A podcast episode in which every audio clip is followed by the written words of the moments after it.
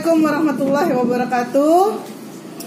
Uh, kali ini kita akan berbincang-bincang kembali bersama Umi Kurnia Sari Mulia yang mana kemarin kita juga udah pernah uh, cakap-cakap ya Mi uh, mengenai pendidikan dan wanita. Kali ini lebih spesifik tentang wanita perempuan ya.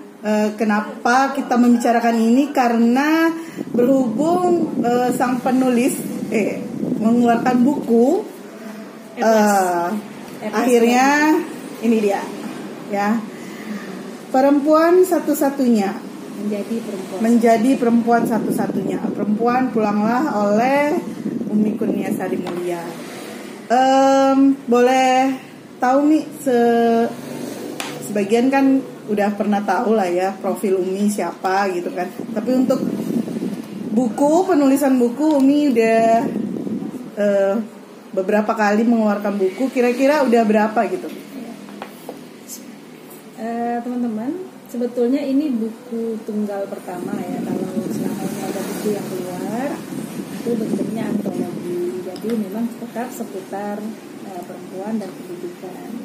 Ada tentang anak ada tentang membersamai anak kemudian tentang uh, food tentang pendidikan kemudian antologi eh, apa namanya fiksi yang on progress tapi sebetulnya jauh sebelum eh, bergabung bikin-bikin antologi itu pengennya memang menulis satu buku. Jadi sebetulnya nulis buku naskah pernah punya naskah tahun dua, 2009 ada satu naskah. Nah waktu itu tidak paham bagaimana caranya me, apa namanya menerbitkan buku tidak paham Sampai hari ini naskah itu tidak terbit padahal sudah sangat ingin diterbitkan karena kita waktu itu bikin manual book for parents. Judulnya The Seed. Jadi, ya The Seed. Sampai hari ini naskahnya masih ada. Allah nanti mungkin ke depan kita akan terbitkan. Ya, mana tahu dilamar sama penerbit ya. ya. Silahkan hubungi Umi. karena uh, udah udah apa udah bulat ya naskahnya udah tinggal sudah sudah sudah pernah juga minta tolong pada beberapa orang waktu itu mungkin kalau Allah belum rezekinya ya, ya Eh yang dapat rezeki malah buku yang berjudul menjadi perempuan satu-satunya. Iya. Basically buku ini di, di, terinspirasi dari kajian-kajian yang dilakukan secara offline. Iya. Jadi banyak sekali orang yang tidak punya konsep tentang cinta, pernikahan, kemudian bagaimana melanggengkan sebuah hubungan pernikahan. Ya. Maka eh, muncullah satu istilah beberapa waktu yang lalu tentang sebuah kata yang tidak nyaman ditempelkan pada perempuan yang punya hubungan dengan seorang laki-laki yang Allah sudah menjadi suami orang. Oh. Istilah itu kan ya, kita kenal dengan istilah yeah. pelakor ya. ya. Lagi happening ya. Waktu, waktu kita ngobrol tentang judul ini itu pas saatnya sedang happening banget. Oh tunggu dulu nih. Ini rilisnya sebenarnya udah ya, udah sudah sudah beredar sebenarnya, tapi masih versi yang skup kecil. Uh, jadi Kenapa kita bahas di sini supaya anda-anda perempuan juga tahu laki-laki boleh baca nih. Sangat penting. Sangat penting. Boleh Karena juga berarti umum. ternyata di sana gitu. Uh, mau gadis yang udah nikah, yang udah nggak nikah lagi. Sudah janda sudah janda perlu juga gitu perlu juga. ya? jadi ini udah rilis di bulan tahun ini ya? Uh, tahun 2019 oh tahun lalu sebenarnya ya, ya. tahun 2019 hmm, tapi belum banyak orang yang tahu tentang buku ini jadi diperlukan uh, penjelasan lebih lanjut lah. Makanya kita buat YouTube kali ini. Oke. Okay. okay, lanjut Nah, jadi orang mengira ya konsepnya begini yang ada dalam masyarakat Indonesia yang mohon maaf uh, sudah terlanjur bertahun-tahun mengenal Miki tikus and mini tikus bersama kawan-kawan oh, iya, ya. Iya, iya, iya, iya. Bahwasanya uh, first love is never die hmm. atau uh, opini-opini seputar cinta.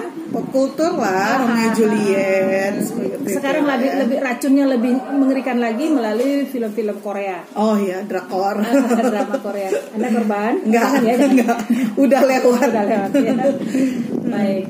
Nah maka menjadi pertanyaan generik ketika orang bicara tentang cinta. Dan sering kali muncul pertanyaan ke kita Umi bagaimana mungkin kita mempertahankan sebuah pernikahan kalau kita tidak cinta di awal? Atau sudah tidak cinta lagi? Jadi semacam appetizer saja. Kalau Iya, iya. sudah ti- sudah tidak cinta mesti dicampakkan. Oh.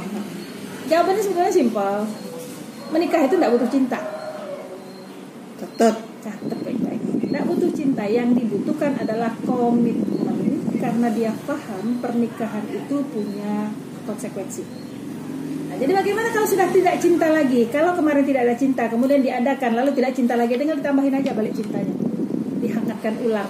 Reheat Reheat di, reheat di your love oven gitu. ya. atau kita jadi judul baru ya? Iya. reheat your, your love gitu ya. Bisa bisa bisa nih. oke jadi bukunya sequel berikutnya itu ya. Ya ini prequel berarti. Nah, jadi menjadi perempuan satu-satunya menjadi isu yang long life, ya kan? Orang merasa kalau menikah itu harus setia. Hanya satu-satunya perempuan dalam hidup seorang laki-laki, maka laki-laki itu adalah laki-laki yang setia dan idaman semua orang. Dan perempuan yang menjadikan suaminya sebagai satu-satunya tumpuan hidupnya adalah perempuan yang luar biasa. Nah, konsep ini, mohon maaf, mohon maaf sekali konsep ini salah. Jadi kita mau perbaiki konsep berpikirnya bahwasannya ketika kita menyatakan orang Islam, kita ini Islam, jadi memang genrenya eh, untuk Muslim ya, Muslim. sudah segmentasi memang untuk perempuan Muslim. Kalau kita bicara tentang eh, pernikahan atau jodoh, maka konsep dasarnya harus benar. Kalau kita orang Islam, maka kita percaya rukun iman kan? Ya. Eh, kita nggak perlu bikin tes kayak anak SMA itu yang rukun iman gitu ya. Nah, rukun iman yang keenam bunyinya adalah percaya Percaya kepada terhadap qadar dan qadar. qadar. Qadar baik datangnya dari Allah, qadar buruk datangnya dari Allah. Dengan konsep itu maka include-lah di dalamnya soal jodoh. Hmm. Maka kita akan menikah dengan siapa, kapan, dan bagaimana caranya sebetulnya sudah ada grand design-nya. Jadi kalau ada orang mencari jodoh, targetnya adalah upaya, bukan target. Itu Hmm. berbeda sekali. Usahanya. Usahanya, karena Allah menilai usaha bukan hasil. Nah, Effort ya, effort. iya effort, effort itu yang dikasih pahala dan dosa. Hmm. Dalam konsep hidup yang seperti ini berlaku untuk semua, bukan cuma untuk, untuk jodoh saja, untuk mencari rezeki ya begitu, Iya, iya, untuk kesembuhan sakit ya begitu, untuk menjalani keseharian juga begitu. Jadi yang dibutuhkan untuk di untuk di apa namanya dibuktikan di hadapan Allah adalah effort, bukan result ya. Jadi eh, teman-teman ketika kita bicara tentang jodoh, maka effort untuk mendapatkan jodoh idaman itu harus optimal. Tapi mendapatkan atau tidak atau tidak mendapatkan itu bukan urusan kita. Satu. Yang kedua, kalau kita sudah dalam konteks pernikahan terikat dengan seorang laki-laki, tugas kita sebagai perempuan adalah mempertahankan Mempertahankan cinta. Oh, pernikahan. Tadi kan kita Oh, ya, nggak ada cinta ya? Bukan ada. Cinta itu bukan landasan. Landasan. Landasannya adalah eh, tanggung jawabnya. Konsekuensi. Karena responsibility responsibility itu ada konsekuensi. Maka ketika kita bicara tentang pernikahan, seorang perempuan tugas utamanya dalam pernikahan adalah mempertahankan pernikahannya melalui apa? Melalui melalui sebuah upaya sebesar-besarnya untuk menciptakan sakinah di rumahnya. Mawaddah di rumahnya dan rahmah di rumahnya. Kok perempuan yang dibebani? Mm-mm. Begitu bunyi ayatnya. Jadi salah satu tugas penciptaan perempuan yang spesifik adalah di surat 7 ayat 189 tugas ada tugas Hawa kepada Adam adalah memberikan ketenangan hati. Lalu kalau sudah ketenang hati si laki-laki, dia berhasrat pada istrinya, masuk ke etapa kedua yaitu melahirkan keturunan-keturunan yang soleh melalui proses yang alamiah kita sebut hamil dan melahirkan. Jadi ini yang tidak lagi dibahas di dalam pengasuhan anak-anak perempuan. Maka menjadi perempuan satu-satunya itu bukan sesuatu yang eh, apa ya nggak nggak sulit sebetulnya karena satu-satunya ini nanti tidak ada hubungan sama angka ada Iya, karena- karena Nah, sudah- provokatif ya iya. supaya beli Oh gitu. Karena judulnya kan gini, udah sudah tendensius banget ya satu-satunya the one and only kan gitu. Iya. Karena kita selalu dengan satu frame yang sederhana saja. Kalau satu-satunya berarti satu istri satu suami. Hmm. Kita lebarkan framenya. menjadi satu-satunya adalah satu-satunya orang yang akan didatangi pasangan ketika ingin mencari solusi terhadap kehidupannya. Kalau dia menginginkan jalan jannah, kita adalah satu-satunya orang yang dianggapnya akan menemani dia. Gitu kira-kira. Oh, Jadi gitu kira-kira. dilebarkan. Nah, untuk bisa itu tagline-nya kita buat perempuan Pulanglah. pulanglah. Kenapa? Kata perempuan pulanglah itu eh, ada beberapa jenjang ya. Hari ini kita dengan kesadaran pendidikan formal para perempuan sudah masuk ke wilayah edukasi yang cukup masif juga kemudian artinya masuk ke dunia kerja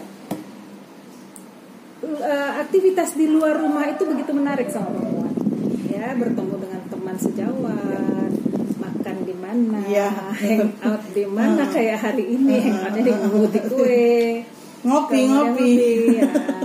ngopi ternyata bukan lagi dunianya para lelaki uak-uak di pinggir jalan Tapi Bukan. perempuan juga. Ah. Kemudian dengan keceriaan dan seluruh energi aktifnya perempuan itu berada di luar rumah dalam waktu yang cukup panjang.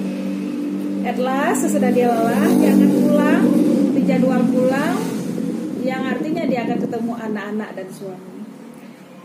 Secara sunatullah seorang perempuan, apalagi sesudah dia berstatus ibu, ke mana pun dia pergi di hatinya pasti anaknya. Ya. Tapi ini fitratullah yang harus dijaga keberadaannya, harus dijaga sensitivitasnya.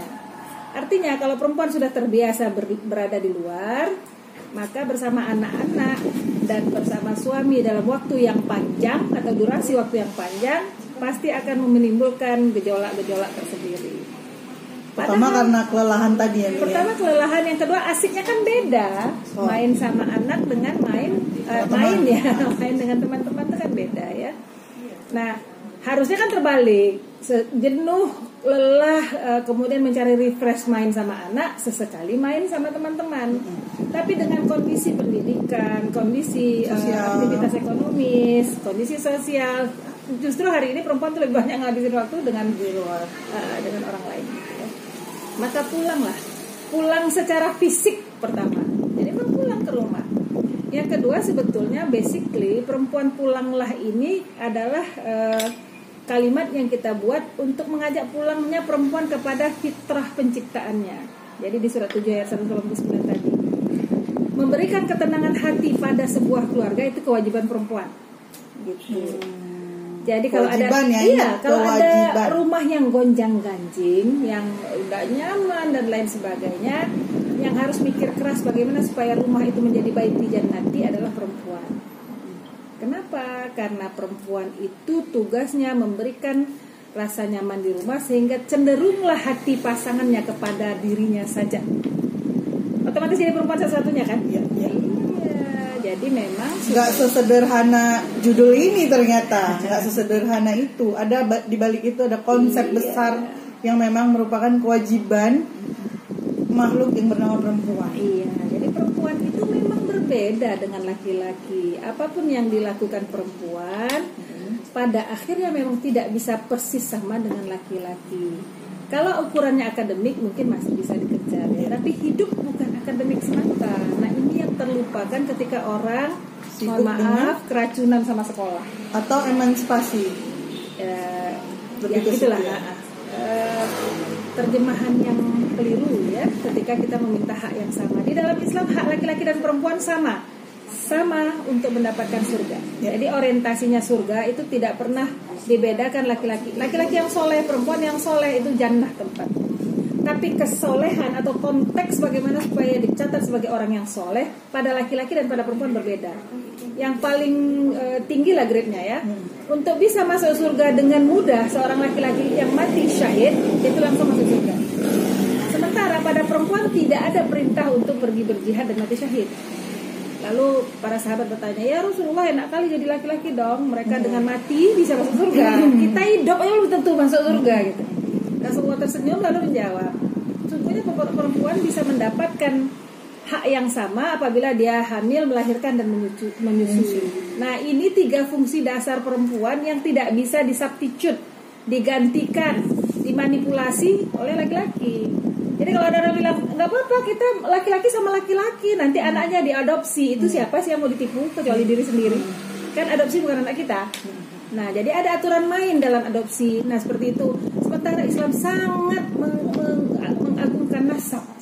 Itu terbukti ketika Rasulullah eh, mengangkat Zaid bin Haritsah sebagai anak, memberikan kehormatan pada Zaid yang mantan muda itu dengan nama Zaid bin Muhammad. Kelak Rasulullah menegur, eh, Rasulullah ditegur oleh Allah dengan mengembalikan nasab Zaid, sehingga eh, Zaid yang sempat dikenal sebagai Zaid bin bin Muhammad itu berubah namanya kembali menjadi Zaid bin Haritsah. Kemudian Rasul mengawinkan Zaid kepada Zainab, itu pun terkoreksi lalu Zainab diceraikan dan Zainab diperintahkan Allah untuk menikah dengan Rasul. Artinya apa? Secara eh, nasab anak bekas anak eh, bekas istri anak angkat tidak ada hubungannya sama ayah angkat, maka boleh dinikahi oleh ayah angkat. Jadi sangat rigid Islam itu meletakkan segala sesuatu. Memang masya Allah, kalau ada orang yang menolak Islam, mudah-mudahan Allah bukakan hatinya karena Islam itu menjawab semua kebutuhan. Whatever, sebut saja apa saja, semua ada dalam Islam. Nah, apalagi cuma urusan perempuan dan laki-laki, manusia Tapi pertama. untuk mencari ridho dan surga tadi upayanya berbeda-beda berbeda. gitu ya. Jadi eh, target akhir ibaratnya gini, visinya sama, misinya beda-beda Hmm. gitu. Jadi visinya tetap sama jannah, tapi misi eh, misi masing-masing gender itu beda. Laki-laki dengan sebuah eh, pola gerak, perempuan dengan sebuah tugas. Nah, justru tugasnya perempuan ini memang sangat berbenturan dengan ego kita yang selama ini hidup secara dunia liberal dan kapitalis ya. Misalnya soal ma'isyah atau cari makan. Perempuan tidak pernah punya kewajiban untuk cari makan. Ya. Karena begitu dia tidak ada tidak ada penanggung jawabnya, tidak ada ayah atau tidak ada suami, maka kembali kepada wali-walinya. Perempuan eh, tidak diwajibkan atas eh, banyak urusan-urusan sosial karena perempuan itu jihadnya di rumah, jihad dukunna fi buyutikunna. Tapi ini bertentangan dengan fakta sosial hari ini. Perempuan bahkan seperti ini wajah dan suaranya adalah Aura. aurat. Nah, hari ini kalau nggak kepedean kayak begini kayaknya juga susah. Iya. Nah kita kalau nggak panjat sosial juga nggak ketemu di medsos juga susah. Ini serba salah. Bukan serba salah, apa kita terlalu lama jadi orang salah. Jadi Oh, begitu dikasih gitu. yang benar, Ah. kita reject. Iya, iya, iya. gitu. Artinya Kita kebodohan berarti. zaluman jahula, sudah zalim jahil. Iya. Marah nanti orang kalau pakai kata-kata itu, padahal memang begitu kata-kata aslinya. Hautulah. Eh, eh, Kadang-kadang eh, lisan ini terpaksa harus dipelintir, dirapi-rapin. Padahal kata-kata yang strike itu justru menggugah, ya kan? Orang-orang yang tidak sesuai dengan Quran, tidak ti- menolak Quran itu Allah yang kasih nama namanya kafir. Terus orang marah kalau dibilang kafir. Kalau dia menolak Quran dan Sunnah, namanya kafir. Mau diapain lagi? Itu kata-kata aslinya. Mau dia mengaku Islam tapi tidak tidak apa menolak menolak Quran dan Sunnah tetap dibilang kafir gitu. harusnya paling tidak munafik namanya marah lagi Marah. nanti ya. jadi ah. nah karena kita sudah terlalu lama jauh ini sekarang sebuah se- upaya pendekatan yang kita lakukan adalah melalui buku ini jadi step by step kita kita review ulang konsep pernikahan dalam Islam itu yang pertama itu bersyukur dulu karena Allah sudah Bersyukur. mempertemukan kita Alhamdulillah engkau telah memilihku itu judul bab pertama sebetulnya konsep Oh iya, ada berapa bab ya Eh, kira-kira hanya apa? hanya tujuh bab tipis-tipis jadi satu bab itu sekitar 8 sampai 10 halaman Iya. Jadi eh, buku ini ada sekitar 100 berapa ya? 150-an halaman. Eh, kalau dibaca sedang me time ya, ibu-ibu. ya tergantung ibunya suka baca atau enggak Iya, dua suka- jam sebenarnya siap. selesai. Selesai. kalau dibaca ya Dibaca. tapi kalau direnungkan satu bab seminggu belum selesai karena teman-teman akan diguncangkan dengan sebuah pemikiran yang anti mainstream misalnya alhamdulillah engkau telah memilihku Itu babnya ya? iya bab satu Bab satu. konsepnya adalah konsep pernikahan. Jadi orang menikah bukan karena dia cari jodoh, bukan. Orang menikah karena qadarullah Allah pilihkan pasangan itu untuk dirinya. Nah itu saja sudah apa ya? Jadi pacaran lama nggak jadi nggak jadi ukuran kita menikah bisa lama. Malah kadang-kadang terbalik ya kan? Tiga hari. Pacaran 10 tahun eh, eh, nikahnya cuma tiga bulan banyak sekali sekarang. Tidak pernah pacaran belum tentu berumah tangganya tidak sehat. Ah, ah. karena berumah tak proses proses menemukan jodoh adalah satu pintu proses menjalani rumah tangga itu seni berikutnya. Jadi eh, tugas perempuan ketika kita sudah dipilih oleh suami kita untuk menjadi pasangan hidupnya tugas kita adalah mempertahankan apa-apa yang sudah dilakukan di, di awal kemarin sebagai bentuk komitmen. Seburuk apa pun situasinya belajarlah untuk melewati situasi itu bukan lari. Bukan lari, dari ya. fakta itu. Kalau saya Hadapi. anggap kalau saya anggap orang-orang yang memutuskan untuk berpisah itu orang yang lari dari fakta kalau dia melakukan saya KDRT kasusnya ekstrim. Kasusnya melanggar syariat silahkan. Berarti itu jalan akhir jalan buntu. Tapi kalau kasusnya sekadar kurang uang kurang peluk kurang manis ya tinggal kasih pemanis buatan saja. Pikirkan bagaimana caranya supaya ini tetap bertahan. Karena pernikahan ya nomor di bab kedua bergandengan tangan saat badai. Pernikahan itu di mata manusia adalah akad antara manusia dengan manusia. Basically bukan itu. Pernikahan adalah mitsaqan ghalidhan ikatan yang kokoh antara seorang laki-laki dan seorang perempuan di hadapan manusia tapi dipersaksikan pada Allah. Sehingga itu sebetulnya komitmen sang laki-laki untuk ambil resiko mengurusi seorang anak perempuan dari seorang laki-laki yang lain yaitu ayah untuk diambil alih tanggung jawabnya. Maka itu tanggung jawabnya dia dengan Allah, si antara si laki-laki dengan Allah. Kalau dia tidak melaksanakan tugasnya, maka si perempuan yang diambil eh, alih tanggung jawabnya tadi harus menunjukkan itikat baik kepada suaminya bukan karena dia ini suami istri saja, tapi karena dia punya tanggung jawab kepada Allah. Kalau sudah begitu cara berpikirnya bukan lagi sekadar human re- relationnya yang jadi alat ukur, maka tidak ada sulitnya hidup rumah tangga itu. Buruk pun perlakuan eh, sang laki-laki atau suami itu kepada istri, istri bilang silahkan kamu berlaku buruk, engkau akan bertanggung jawab terhadap dirimu kepada Allah. Aku meskipun kamu berlaku buruk akan tetap berbahagia dalam pernikahan ini karena engkau menjadi lahan ibadahku. Selesai kan? Tapi akan menjadi sulit kayak mana lah mau bahagia suami begini begini kalau dia begini begini begitu begini tuntutan yang terlalu besar justru Melawan membuat kita melawan. makin kita tidak bahagia. Jadi bahagia itu letakkan di sini jangan di kantong dia. Iya. Aku bahagia meskipun bla bla bla bla. Tapi kalau kita aku bahagia karena dia begini begini kalau dia tidak begitu berarti kita tidak bahagia.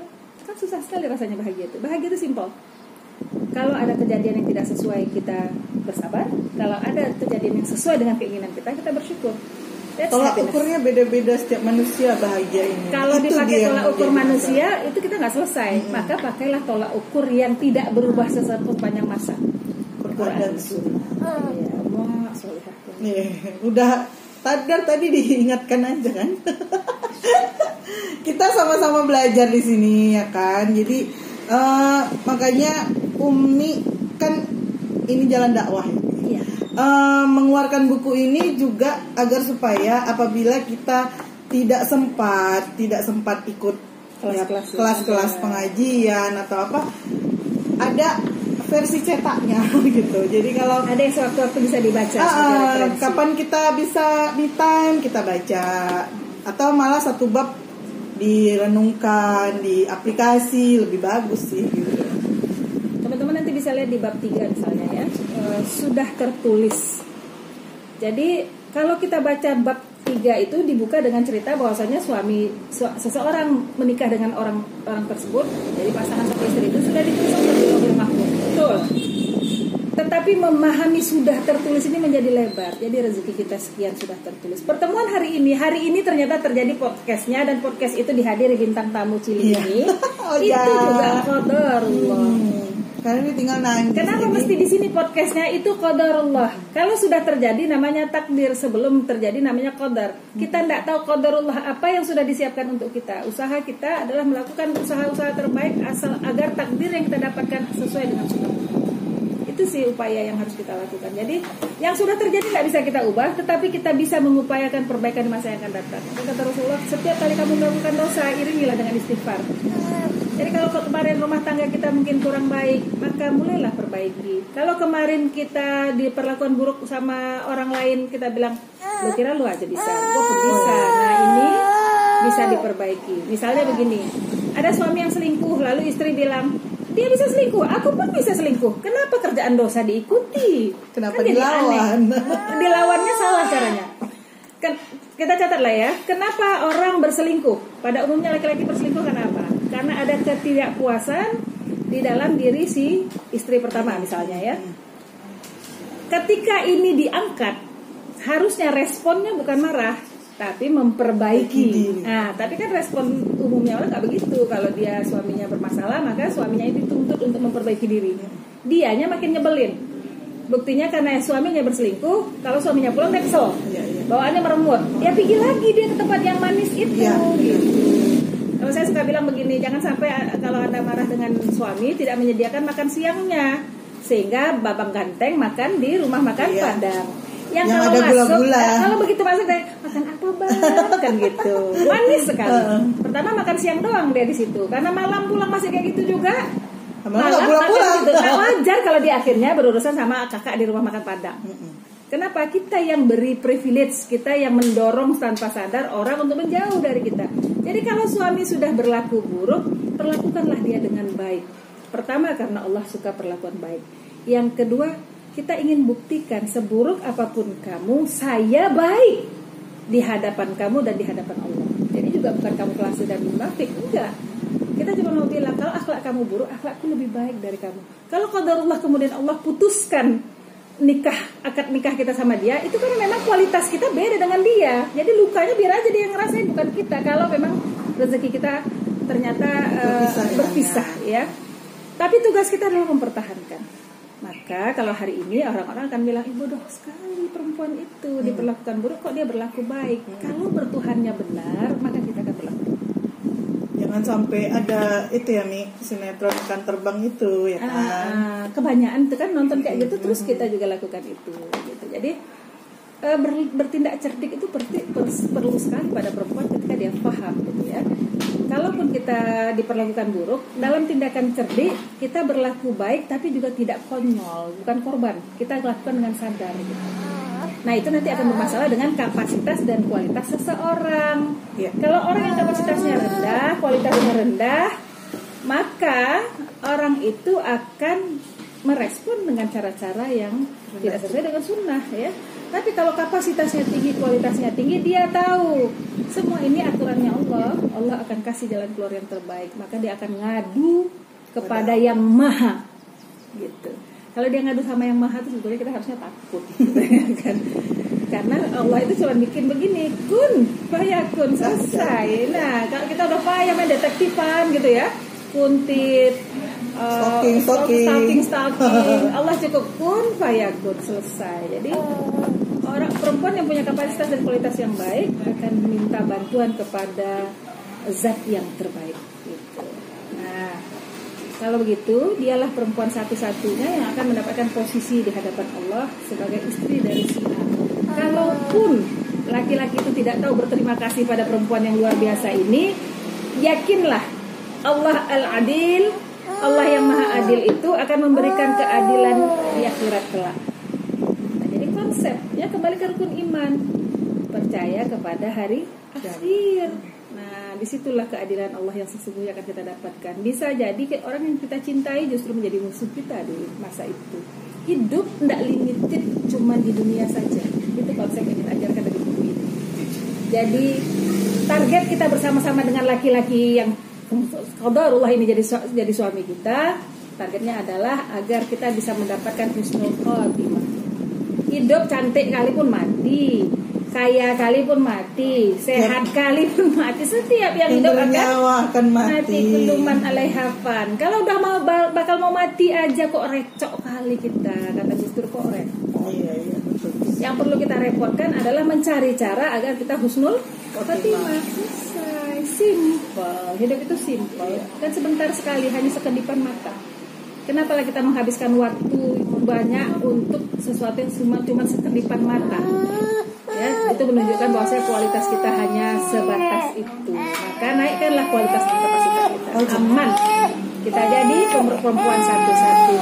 Oke? Oke tadi udah kita bahas eh, tidak semua babnya ya karena itu akan panjang dan akan membuat anda kepo jadi supaya Spoiler. Eh, spoiler jadi eh, agar bisa semua yang ada di bab ini Anda renungkan, pastinya Anda harus baca dan satu lagi pastinya harus beli. Nah, kalau untuk beli ini ke mana nih? Eh, Di mana? Bisa bisa ke, masih ke teman-teman di Mahabbah ya, bisa ke Bunda Siti Aisyah. Bisa juga langsung ke saya bisa. Nanti saya tulis aja di deskripsi link eh, Facebook atau medsos yang eh, untuk membeli buku yang bagus ini eh, artinya memang eh, kembali ke fitrah perempuan ya. Saya juga masih belajar untuk pulang sebenarnya. Iya, terlalu banyak jalan-jalan. Terlalu ya. banyak jalan-jalan nggak tahu kemarin tak ngapain, pacar kacir jalan, tak cari apa ya kan. Alhamdulillah. yang dicari itu di sini. Art, ya intinya kantong cinta juga ya Mia kantong cintanya harus terisi dan akhirnya memang suami eh, lebih suka saya pribadi lebih suka ketika saya di rumah Itu fitrah. Itu contoh.